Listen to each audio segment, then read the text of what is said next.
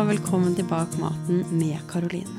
I denne podkasten er jeg Karoline Aalum Solberg på jakt etter fremtidens regenerative matsystem. Men mange tror at denne podkasten handler om regenerativt landbruk. Men det er egentlig bare en liten del av det. Den handler om det regenerative matsystemet som omfatter hele verdikjeden til mat. Jeg ønsker meg altså et helt matsystem, eller egentlig en hel verden for den saks skyld, som bygger opp igjen alt vi har bygd ned, og samtidig legger til rette for å skape mer liv, mer mangfold og mer natur. I denne episoden har jeg invitert en navnsøster som brenner for en litt annen del av det regenerative matsystemet enn vi vanligvis bruker å snakke om i denne podkasten, nemlig det regenerative mennesket. Denne episoden handler derfor ikke så mye om mat, men går langt bak maten om jeg får lage ordspill av min egen tittel. Gjest i denne episoden er Caroline Hargreaves, som er økoterapeut og står bak plattformen Norwegian Sage.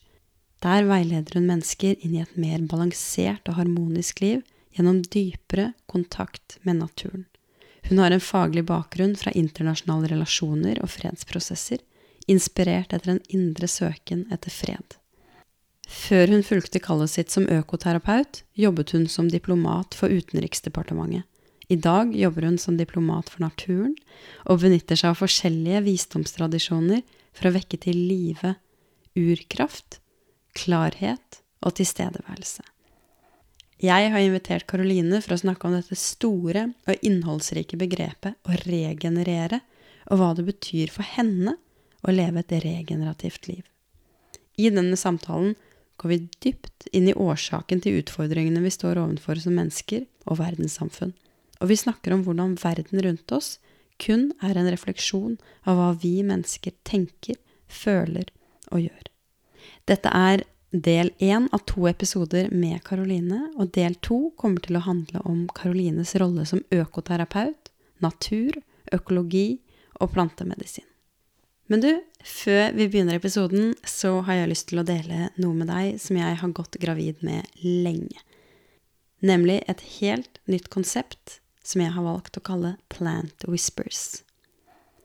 Plant Whispers er for deg som er klar til å leve det regenerative livet vi snakker om i denne episoden, og for å bruke medisinplanter, mat, eteriske oljer, naturens sykluser, selvutvikling og spiritualitet på veien mot det livet du er ment til å leve. Nettside og mer informasjon kommer veldig snart, men allerede nå har jeg lyst til å dele en liten smakebit med deg. Det er en vakker og gratis guide som lærer deg hvordan du kan sørge for at maten du spiser, holder de aller høyeste vibrasjonene.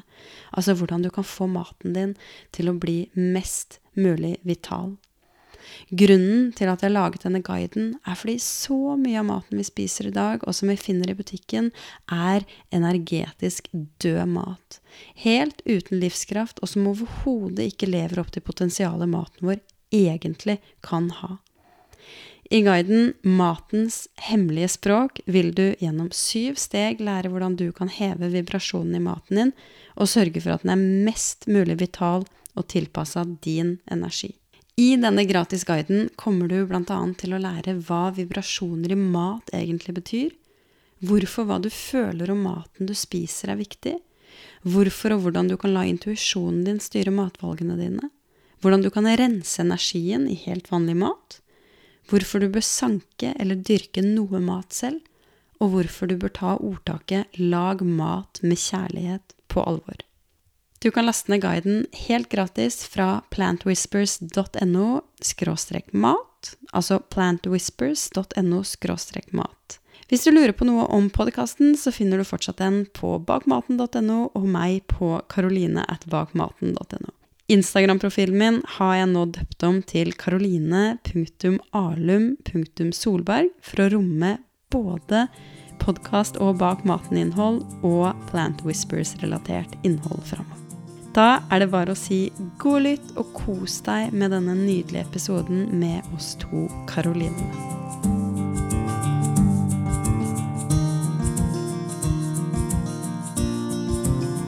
Hei, Karoline, navnesøster. Velkommen på podkasten. Tusen takk, Karoline. veldig, veldig fint å ha deg her. Det føles veldig godt å være her. Så bra.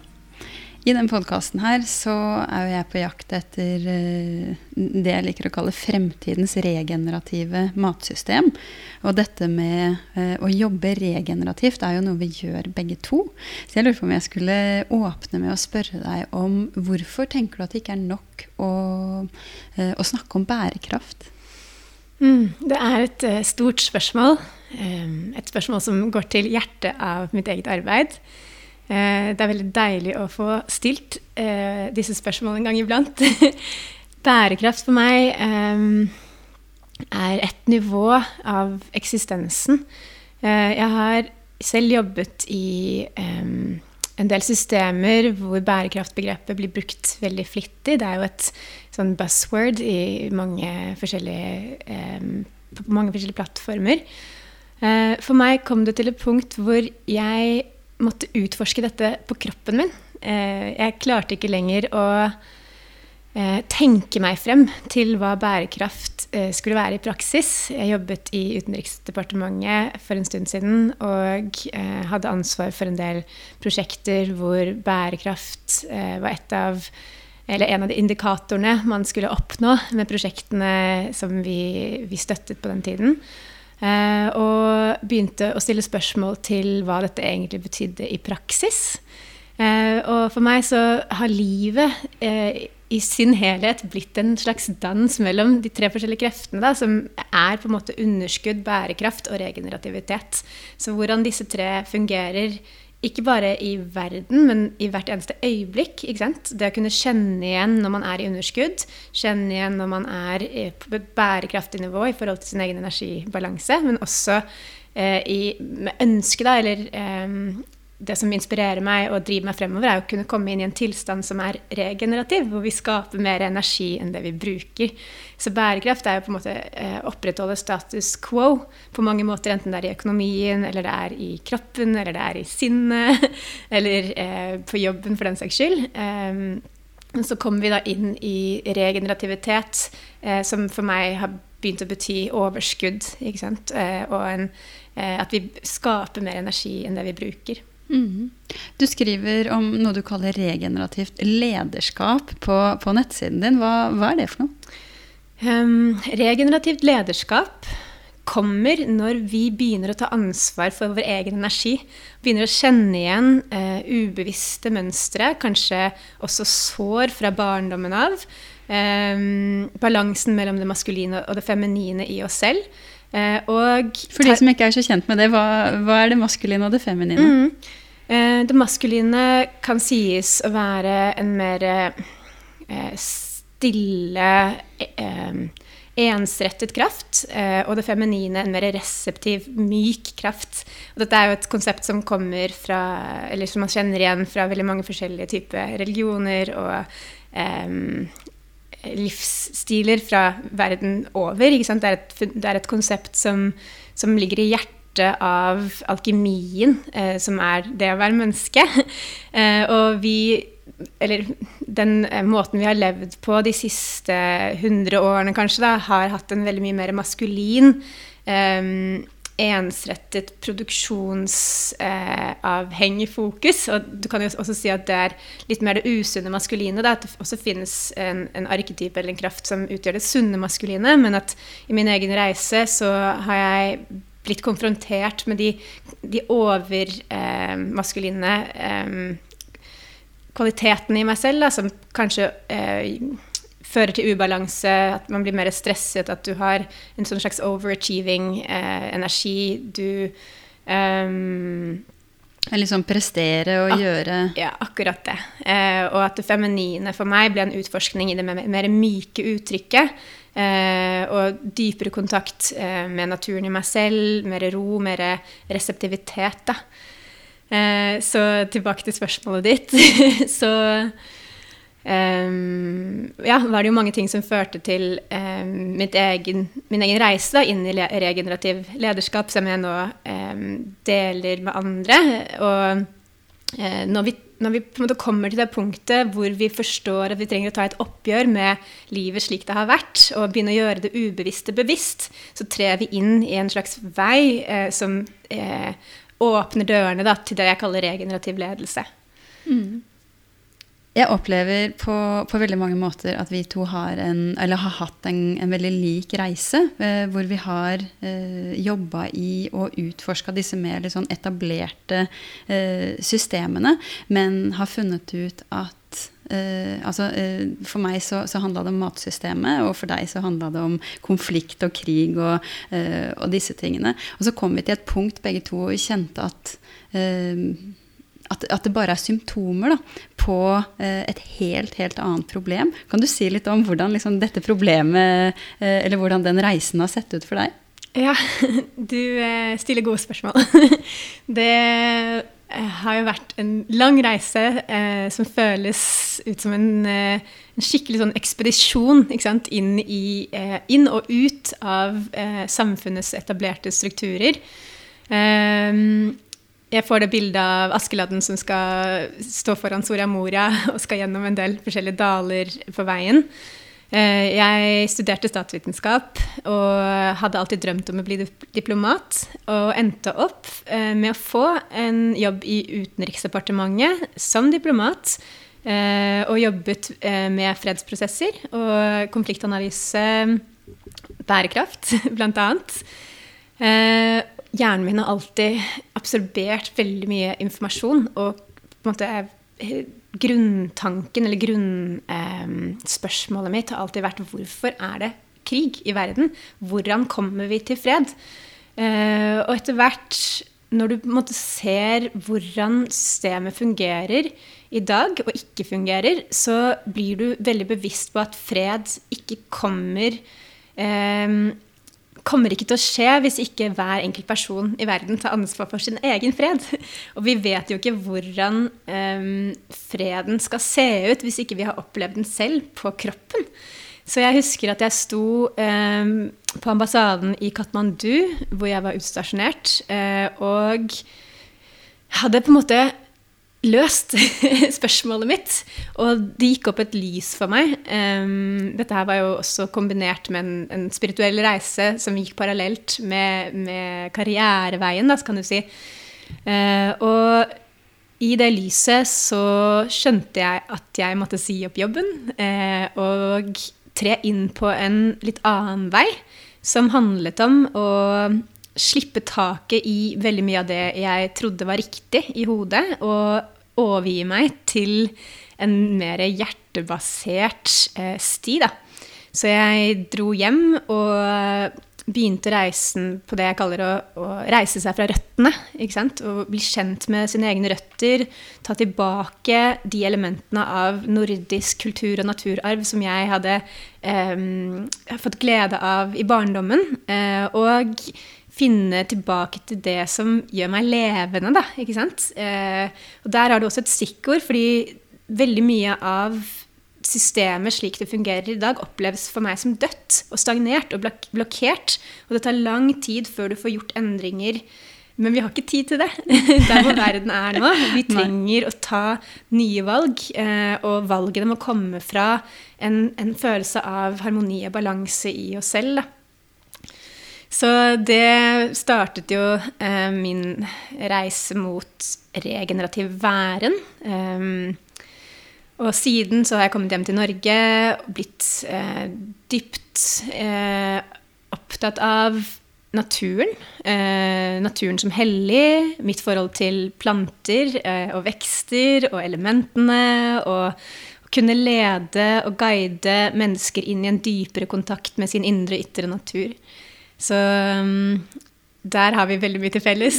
ja, jeg kjenner når du, når, du, når du, snakker at det rører meg veldig, for jeg har jo vært på uh, nesten akkurat den samme reisen selv, og, og, og, er fortsatt på mange måter. Og liksom det å gi slipp på, uh, på det jeg trodde var sant, og, og, den jobben jeg hadde, og ikke minst den jeg trodde jeg var, mm. og den alle andre forventer at jeg skal være. Da. Mm. Uh, og for meg så Det har sikkert for deg òg vært en utrolig sånn smertefull prosess.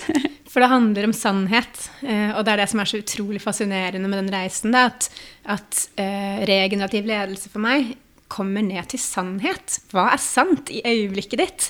Eh, og angst og uro, alle disse eh, urolighetene i kroppen, eh, er jo tegn på at vi ikke står 100% i sannheten vår. ikke sant? Som kan variere fra øyeblikk til øyeblikk. Eh, men det å ta seg tid til å meditere over, kontemplere over og stille spørsmål da, til denne sannheten, og la den få utfolde seg selv eh, fra det dypeste eh, indre stedet. Eh, er en, det er jo et privilegium vi har som bor i Norge. Eh, og det er jo veier som fins overalt i hele verden, bl.a. i urfolkstradisjoner, østlig vitenskap osv. Um, men jeg føler at vi er på vei inn i en sånn slags renessanse, hvor det er lettere for oss å komme til sannheten vår, fordi alle verktøyene er her. Vi må bare finne dem og ta ansvar eh, for å velge nye veier, da. Mm. Mm. Jeg har lyst til å komme litt tilbake til uh, det som veldig lenge har vært sånn kjernen av uh, din søken. Dette her med uh, å finne fred. Kan du si litt mer om hvordan du tenker at Uh, altså For de som er liksom helt nye med dette her konseptet med at man må finne fred i seg selv for å, for å lage fred i verden, på en måte, hvor man tenker at man kanskje må ha uh, militær krigføring som på en måte holder fred og uh, stabilitet, og liksom, som er mer på den tanken, som, som går mer sånn ovenifra og ned. Da. Kan du si litt mer hvordan, hvordan henger det sammen? Mm. Um på et tidspunkt så begynte jeg å dykke dypere inn i konfliktanalyse. Sammenligne kriger og konflikter eh, rundt omkring i verden. Se på humanitære kriser eh, som eksisterer over lengre tid. Og det slo meg at veldig mange av dagens kriger og konflikter handler om at eh, man har mistet kontakten med naturen. Noen har fått frarøvet landområdene sine. Eh, det tappes olje fra regnskogen osv. Og, eh, og dette med kontakten til naturen ligger i kjernen av mange av disse konfliktene i dag. Og Altså det å, å, å, å få liksom eh,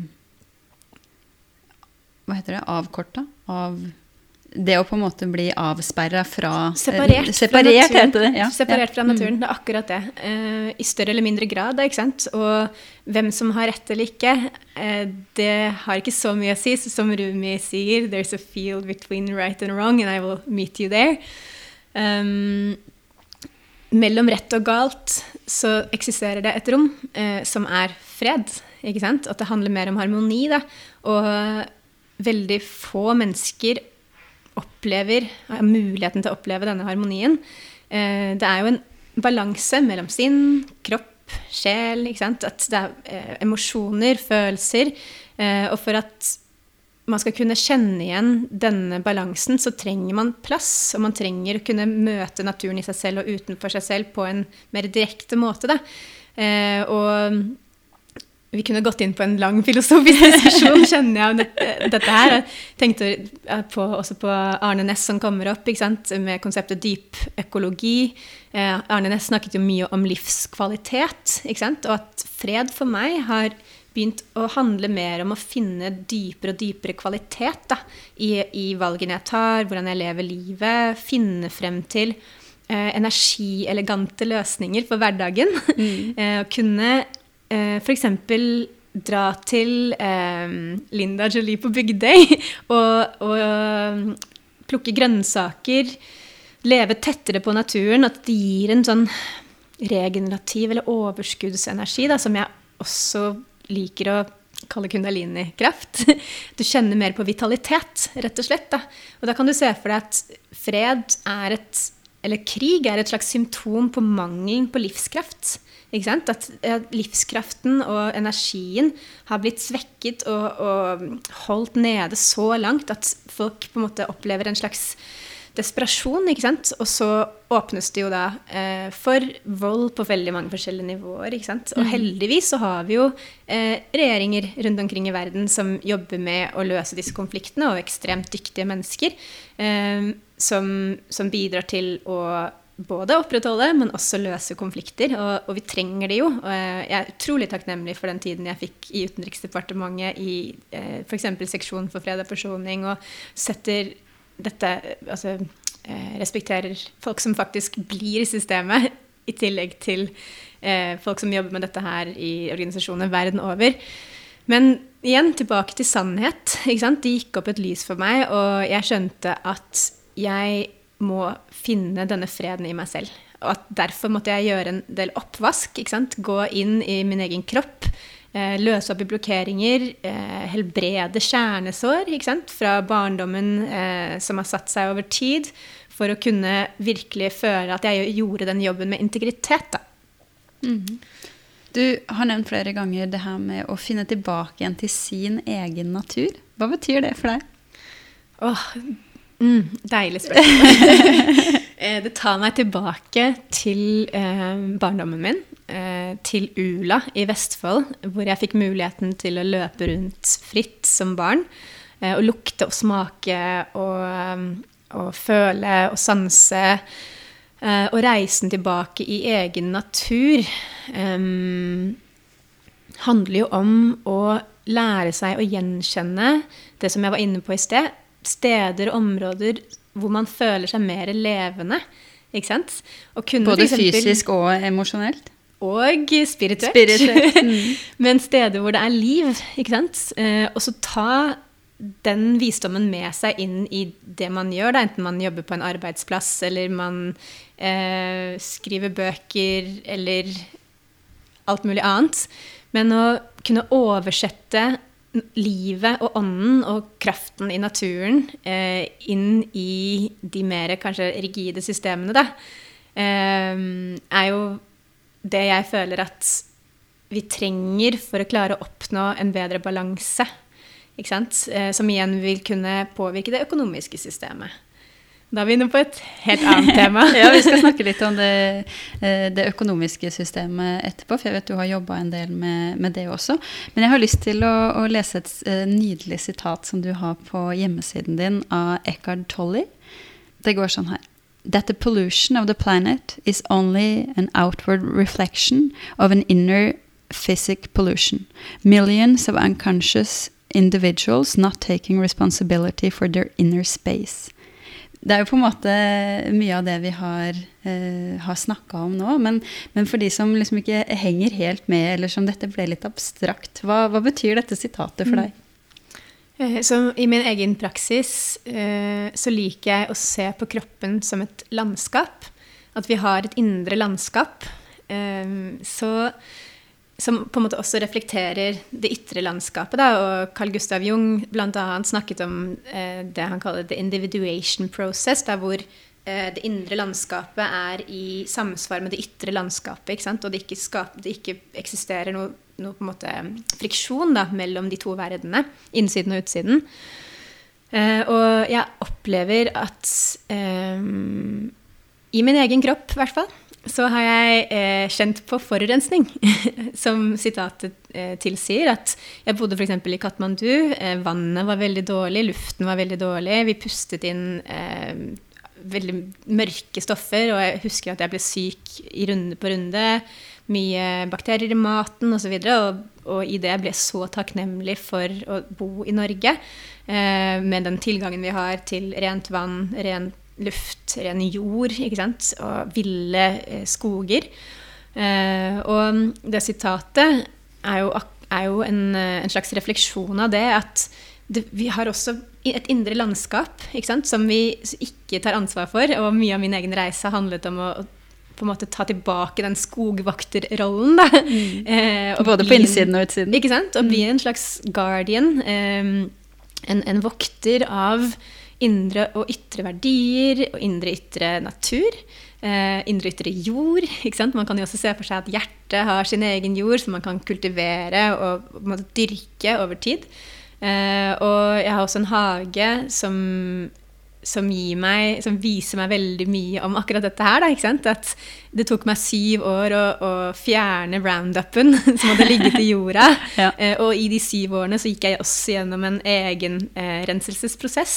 Så, så, alt samsvarer når man begynner å åpne sinnet sitt litt og se etter sammenhengene. Eh, så finner man ut at det er ikke så stor forskjell da, på det indre og det ytre. Eh, og man lærer å skape broer, ikke, både mellom det, ikke, bare mellom det indre og det ytre, men også det som er eh, under og over, i alle retninger. Mm. Eh, og det er en eh, veldig fascinerende reise hvis du dykker litt dypere inn i det. Mm. Hvordan ser det ut for deg når mennesker tar radikalt ansvar for seg selv? Da får du mennesker som står i sin sannhet. Du får mennesker som um, kalibrerer verdikompasset sitt og begynner å ta valg som også inkluderer naturens eh, velvære. Eh, da finner du mennesker som puster dypt, eh, og som setter av tid til å reflektere over sin egen væren. Eh, du får mennesker som opprettholder og gjenoppretter liv og relasjoner. Du får mennesker som kanskje tenker litt mer på seg selv som en del av et større eh, nettverk, da, eller en slags myselie, som, som, brer seg over fellesskapet vårt, den globale landsbyen vår eh, osv. Og, og du får mennesker som ja, hengir seg litt til mysteriet som er det å være her på jorda. Da. Eh, og som stoler litt mer på hjertet sitt. Når du nevner uh, dette med sannhet, så, så, har jeg lyst til å, å, legge til en ting. For jeg vet at mange kan liksom være litt allergiske mot det ordet sannhet. Men sånn jeg tolker det, så handler det om å finne sin egen sannhet. Og den er ikke nødvendigvis den samme som, uh, for meg som for deg. Da. Mm. Eh, det var helt rett. Uh, og for meg så har sannhet begynt å bety harmoni. stillhet også. At jeg søker stillheten mer og mer. Eh, at sannhet også kan være et slags mørke, da, et slags fertilt mørke, hvor du får muligheten til å lytte. Eh, sannheten kan jo endre seg fra øyeblikk til øyeblikk, eh, men det er en praksis som jeg er veldig glad i, som kalles deep listening. Eh, som handler på en måte bare om å utvide eh, seg selv litt mer. sånn at man kan lytte dypere inn i omgivelsene sine. Eh, og da plutselig blir sannheten en litt annen eh, enn kanskje den sannheten som hadde ligget i hodet noen øyeblikk før. Eh, og jeg, jeg, håper at Jeg vet at flere og flere begynner å slappe litt mer av i forhold til akkurat det her da, med, med sannhet. Og, og forstå at sannheten kan endre seg Eh, etter hvert som man både ekspanderer og trekker seg sammen. Da. Men at vi er i en, en, sånn kontinuerlig dans. Og derfor blir det jo viktig med kommunikasjon. Og ordet får en helt annen betydning. Det å kunne sette grenser, varme grenser. For, eksempel, for seg selv og den sannheten som føles levende i øyeblikket. Eh, jeg liker å se på det litt som en sånn innsjø i fjellet. At eh, den rene sannheten, den kommer jo fra isbreen. og, og når det er gjennomstrømning da, i vannet, så tillater du at det sirkulerer. ikke sant? Mens med en gang det begynner å blokkere seg eller stagnerer, så blir den sannheten litt sånn murky. Eh, og man, ja, jeg refererer veldig ofte til det bildet av lotusblomsten eller vannliljen ikke sant? som for hver sesong vokser opp på nytt og på en måte åpner seg i blomst med en ny sannhet ikke sant? som man kan beundre og, og dele. Eh, men det fordrer jo at vi har respekt for hverandre. ikke sant? At, at eh, vi lærer å ta ansvar for vår egen sannhet, og også da um, dele den på en god måte, da. Jeg liker veldig godt det du sier om eh, at sannheten hele tiden er i forandring, og jeg kjenner det eh, veldig igjen i mitt eget liv. Og spesielt det du sa i stad med å gå der hvor det er liv, og der hvor du kjenner deg levende og livskraft. Og de siste årene så har jeg flytta flere ganger. Og, og dit jeg har flytta, så har jeg på en måte kjent en veldig sånn sterk dragning mot her er det liv, her er det energi, her har jeg lyst til å bo. Men med en gang jeg på en måte er klar til å dra videre, så er det ikke noe energi der lenger, da. For meg, ikke sant. Mm. Så ja, så det, det var veldig fint. Men mellom linjene i, i, veldig mye av det du snakker om, så, så ligger det en sånn eh, en, en, spirituell eh, tankegang eller en spirituell eh, livsstil, da, på en måte. Hva, hva, betyr det her spirituelle for deg, for de som er litt ukjent med eh, Ja, men, men, men, liksom at det er mer mellom himmel og jord, da? Hmm. Jeg kan være abstrakt, og jeg kan være konkret. Kan snakke, ja takk, begge deler. Jeg kan snakke om ånd, jeg kan snakke om magi, jeg kan snakke om um, livskraft. Uh, men jeg kommer alltid tilbake til et punkt når jeg skal beskrive spiritualitet. Uh, spiritualitet, spirit, respira. Uh, å puste inn og ut. Um, å komme tilbake til et senter i deg selv. Og gjøre plass til ånden, eller ånden. Uh, wakantanka, som det også kalles, eller the great, the great mystery. da. Spiritualitet er kanskje også alle spørsmålene vi har. Det store spørsmålstegnet. uh, og hvert enkelt menneskes søken etter å besvare sine egne spørsmål, og dermed også kanskje vikle ut det som føles innviklet. Eh, og lære seg å ta varsomme skritt, eh, og hele tiden synke dypere inn i eksistensen på et vis. da lære seg å bli eh, dynamisk og undrende jeg kommer alltid tilbake til Jostein Gaarder og Sofies verden, som var en av de beste bøkene jeg visste om da jeg var liten. Eh, hvor, hvor, han skriver det eneste mennesket kan miste, er evnen til å undre seg. Ikke sant? Så spiritualitet ser jo helt forskjellig ut uh, uansett hvor man er i verden. Uh, for meg så kommer det jo ned til akkurat det. Dette med å stille spørsmål. Hvem er jeg? Eh, know thyself står det skrevet over eh, døren til orakelet i Delphi. Og, og, lære seg å på en måte skrelle av lagene som eh, gjør at man setter seg fast, ikke sant? Eh, og klare å finne frem til en kjerne, eh, en slags, slags indre kammer, et hjertekammer, kan du kanskje si som gjør at du føler deg hjemme, da, ikke sant? På tvers av tid og rom. Eh, og igjen så handler det om tilstedeværelse. Eller det handler om tilstedeværelset, som er et sted eh, mellom himmel og jord der du føler deg hel. Da. Så du kan jo si at spiritualitet for meg handler mye om helhet, men også da separasjon, ikke sant? Og den kontinuerlige, flyktige dansen mellom separasjon og union, som også kalles yoga på, på et annet språk. um, men, men, igjen, det som føles levende, da, og nærkontakten med elementene. Ild, jord, luft, vann og eter som binder alt sammen. Og spiritualitet i praksis kan jo se helt forskjellig ut fra menneske til menneske. ikke sant? Du kan være en nordisk zen-aspirant eh, som eh, finner dette i å hugge vann og bære ved. Du kan være en eh, dakini som må sitte i fjellene og, og ja, immerse seg selv da, i, i, visdommen fra naturen. Eller du kan finne spiritualitet i en eh, i en alterpraksis ikke sant? hver dag. Å kunne bare tenne et lys og be en bønn. og eh, Spiritualiteten er også levende i esoterisk kristendom og paganisme. ikke sant? Og veldig mange forskjellige tradisjoner. Men skal jeg ikke gå for langt på avveie. Komme tilbake til senteret og ja, bare si det at for meg så begynner det med pusten. ikke sant? Den roen og evnen til å skape rom for seg selv, da. Mm -hmm.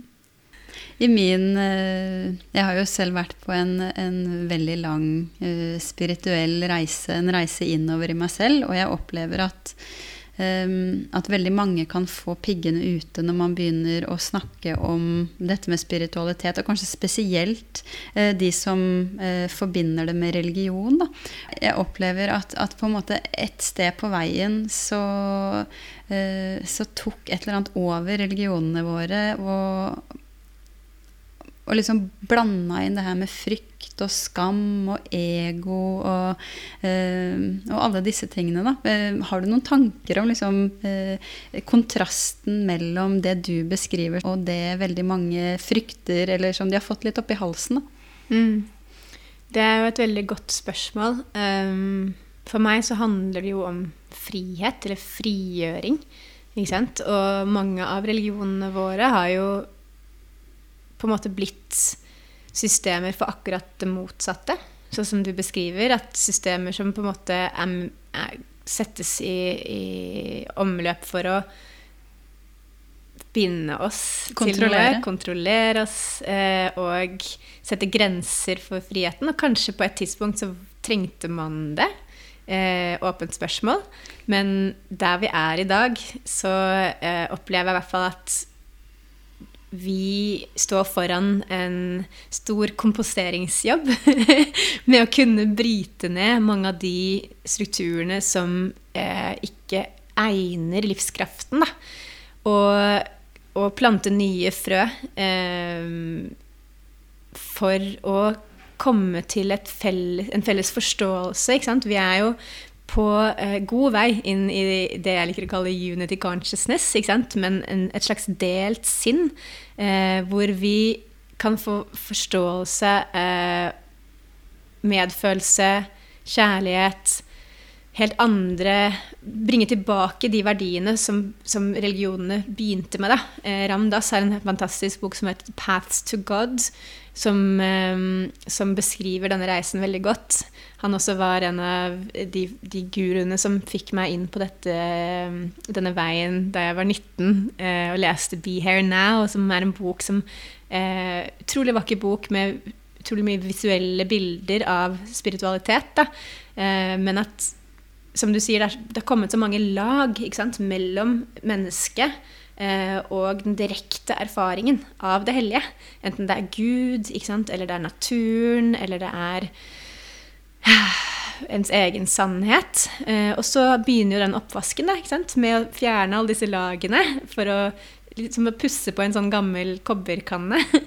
eh, og klare å se eh, strålene igjen for det de er. ikke sant? Og det kan være så enkelt som å bare følge med på solens gang over himmelen. ikke sant? Eller kunne gjenkjenne mønstre i naturen. Og, og vi, jo, vi, er jo utrolig heldige som bor i Norge og har tilgang til, til vill natur. da. Og også urskoger. Jo mer diversitet, jo jo flere forbindelser kan hjernen gjøre. Og da kommer vi tilbake til kroppen igjen og muligheten og evnen vår til å kunne skape disse sammenhengene eh, og så kollapse dem og føle på eh, det aller enkleste i livet, ikke sant? For når hjernen har, når hjernen har gjort jobben sin, eh, så får vi også muligheten til å hvile i hjertet. Eh, men igjen, alt handler om balanse. Mm. Du nevner det du, det du, kaller unity consciousness her. Um, og jeg vet for mange at det kan bli liksom veldig langt fram i tid, veldig abstrakt, eh, um, i en verden hvor uh, veldig mange er bekymra for framtiden, for miljø, for klima, fred, matsikkerhet uh, og alle disse tingene. og så har jeg lyst til å lese et sitat igjen på, fra hjemmesiden din, som går sånn. Another world is not only possible. She is on her way. On a quiet day, I can hear her breathing. Med dine ører, som på en måte har dette bildet om at en annen verden er eh, mulig, og, og, og, dette du beskriver som unity consciousness. Hva er det du hører som, som vitner om en annen verden? Eh, på norsk så kan vi jo kalle det enhetsbevissthet. Eh, og for meg handler det på en måte om det å komme frem til en felles visjon eh, som vil gagne fremtidige generasjoner. Ikke, sant? ikke bare neste ledd, men i all overskuelig fremtid. Da? Før solen begynner på en ny runde i universet igjen. Eh, og det kan høres ganske lenge ut å vente. men, Eller langt unna der vi er i dag. Ja, ikke sant. Eh, men jeg føler at noe av det vi trenger som menneskehet, er akkurat det håpet da, som ligger i at en dag så kommer vi til å ha det bra. Og og den følelsen finnes også i øyeblikket, ikke sant? Så, så man kan jo snakke om en total oppløsning av tid og rom her. Eh, det skal jeg ikke gjøre. Men, men jeg, jeg kjenner at det er viktig eh, å gjøre plass til tanken om enhetsbevissthet. ikke sant? At det ikke bare handler om at alle skal kobles sammen på noe vis, men at det også er en tilstand som eksisterer i en selv. ikke sant? Når vi eh, finner roen, når vi klarer å komme frem til freden, når vi står på toppen av si Gaustatoppen eller Glittertind eller eh, Galdhøpiggen og føler oss helt i ett med alt. ikke sant? Med elementene med vinden, med, med, menneskene rundt oss. Eh, og så kunne ta den opplevelsen av harmoni da, eh, ned på bakken igjen når vi er ferdige, og begynne å veve den opplevelsen inn i det vi sier og gjør eh, i dagliglivet. Ikke sant? Eh, og da kommer det ned til valg igjen. Eh, valg som vil føre til en bedre fremtid. Valg som føles levende. Valg som knytter oss sammen istedenfor å eh, skape mer konflikt. ikke sant? Eh, men for at vi skal kunne få den plassen, så, så, trenger vi også å kjenne på denne enhetsbevisstheten en gang iblant og bli påminnet den. Og jeg opplever veldig ofte at den kommer til meg når jeg, når jeg går i skogen, eller når jeg standup-padler og er på det åpne havet. Um, at det er som en, en sånn stillhet da, som senker seg over meg, og at jeg kan føle på både håp og inspirasjon, ikke sant, og lidenskapen om å um, dele uh, kjærlighet. og dele tro og dele håp. For at vi kan ta de valgene som sakte, men sikkert vil bringe oss til paradiset, da. Ikke sant? Til Edens hage. Eh, fordi det er mulig. Og det handler også om eh, ressurser, ikke sant. Vi ser jo at eh, det skapes mye større bevissthet rundt sirkulær økonomi f.eks. At ressurser begynner å settes i omløp i større og større grad. At vi er på vei ut av eh, fossilindustrien. Eh, og at det vil føre til en mer levende verden, er jeg ikke i tvil om. Så hvis jeg skulle oppsummert litt, så tenker du at en, en annen verden er mulig fordi du vet at den er mulig i, i, i hver enkelt av oss? da? Fordi at jeg har vært der selv. Og fordi du har vært der. Ja, jeg mm. kjenner, jeg kjenner, på det ofte. En del av praksisen min handler om å kultivere um, håp da, i mitt eget hjerte. Eh, og så plante de frøene i andres hjerter, da, enten det er gjennom maling eller musikk eller poesi eller eh, ord eller eh, dans. ikke sant? At eh, du vet jo selv hvordan det er når du blir inspirert. Du får lyst til å gjøre eh, vakre ting selv. Og jeg tror at skjønnhet, f.eks., og tilbake til de litt mer feminine verdiene, da, skjønnhet og estetikk og um,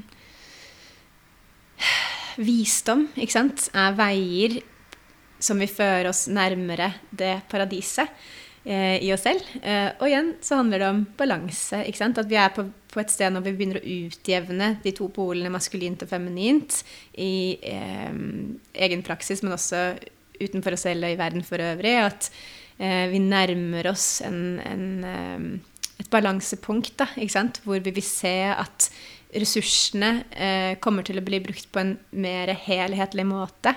Enten det er det indre eller det ytre. Du Karoline, det her eh, Oi.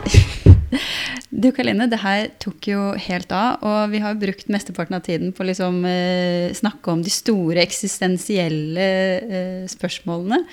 Eh, men jeg hadde også lyst til å, å snakke om mer dette som går litt sånn på økologi. Og du er jo økoterapeut, så jeg har lyst til å høre litt hva det er. Eh, hva slags kontakt du har med planter. Gå litt mer inn i liksom det konkrete og naturen. Eh, så jeg lurer rett og slett på om vi skal bare avslutte denne episoden og si tusen hjertelig takk for at du kom. Og så fortsetter vi i neste episode med disse temaene. Eh, det høres fint ut. Det er en glede å være her. Eh, takk for interessen din eh, og veldig mange gode spørsmål. Så bra. Takk. Takk for at du hørte på denne episoden som er laget av meg, Karoline Aalum Solberg. Husk å gå inn på plantwhispers.no mat for å laste ned matens hemmelige språk helt gratis. Der kan du lære hvordan du kan heve vibrasjonene i maten du spiser, og sørge for at den er mest mulig vital. Musikken er produsert av Creo og Lirosever. Lurer du på noe, så ta kontakt med meg på bakmaten.no, eller gå inn på bakmaten.no. Vi snakkes.